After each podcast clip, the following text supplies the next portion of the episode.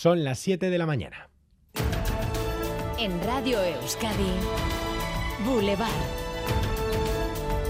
Con Xavier García Ramsten. ¿Qué tal, Egunon? Esta mañana visita a Boulevard el presidente de Petronor, Emiliano López Achurra, horas después del tijeretazo que le han dado a la producción de petróleo Rusia y la OPEP.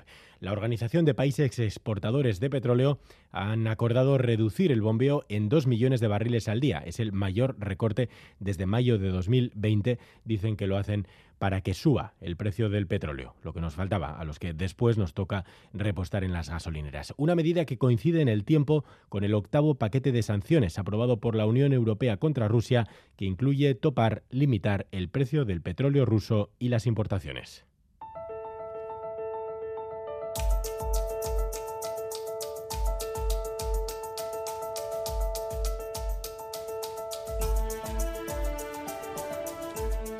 We are ready to discuss a cap on the price of gas that is used to generate electricity.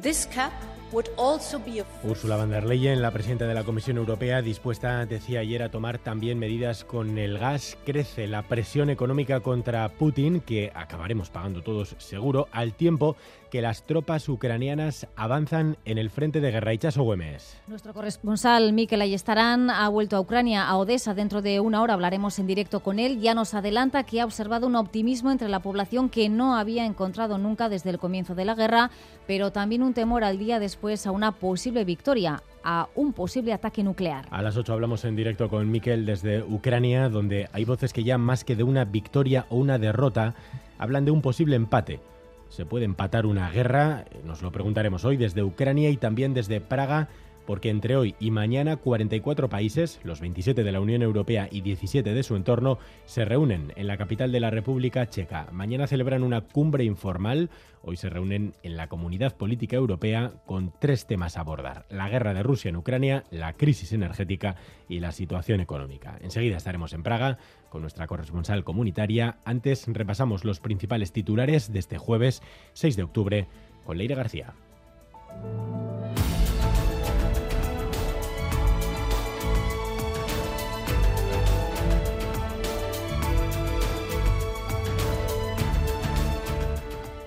Señorías, queda definitivamente aprobada la proposición por las Cortes Generales la proposición de ley de creación de un fondo de compensación para las víctimas del amianto.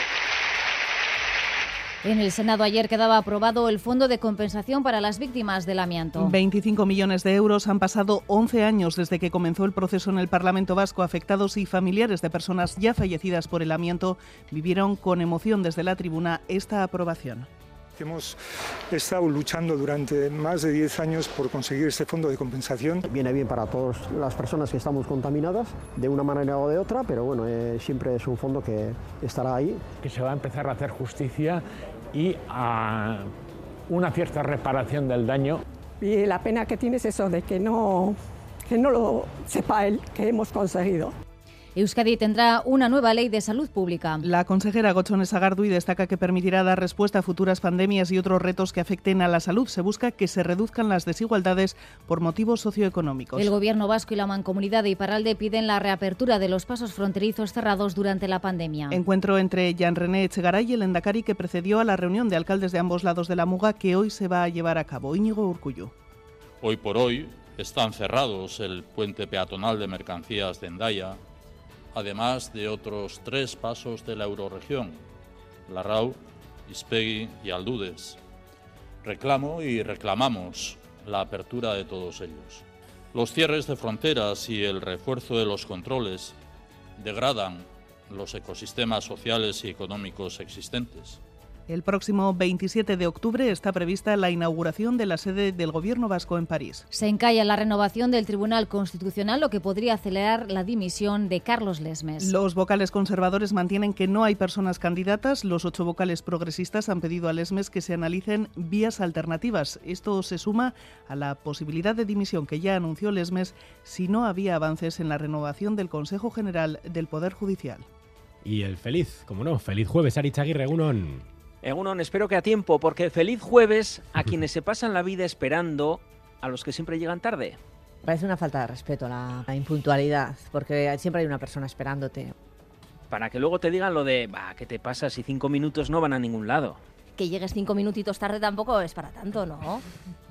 ¿eh? Estilo María, ¿eh? Eso es. Minutitos, claro, no minutazos. Y siempre responden así con una risita. En este tiempo en el que ser puntual está mal visto. Si llegas primero a la fiesta, eres un desubicado, un muerto de hambre. Si eres de los primeros en casarte, tus amigos te miran raro. Eh, ¿Estás apurado en casarte?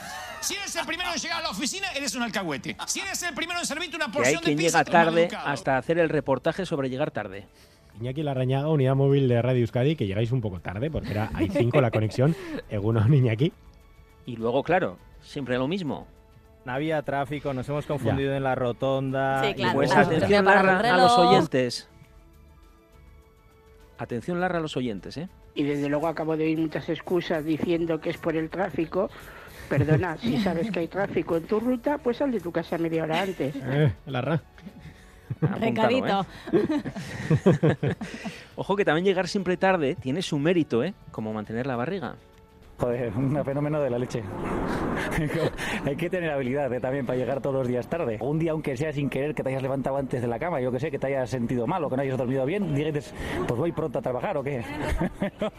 Y como dice Buena Fuente, tampoco está siempre mal lo de llegar tarde. El único ámbito donde llegar tarde tiene recompensa es el sexo. Perdona, cuando estemos ya en la cama no te va a preocupar tanto que llegue tarde. Lo que pasa es que hay tardones que solo llegan pronto. Hay, en fin, luego están los que viven como tarde. Carlos Iturgaiz ayer.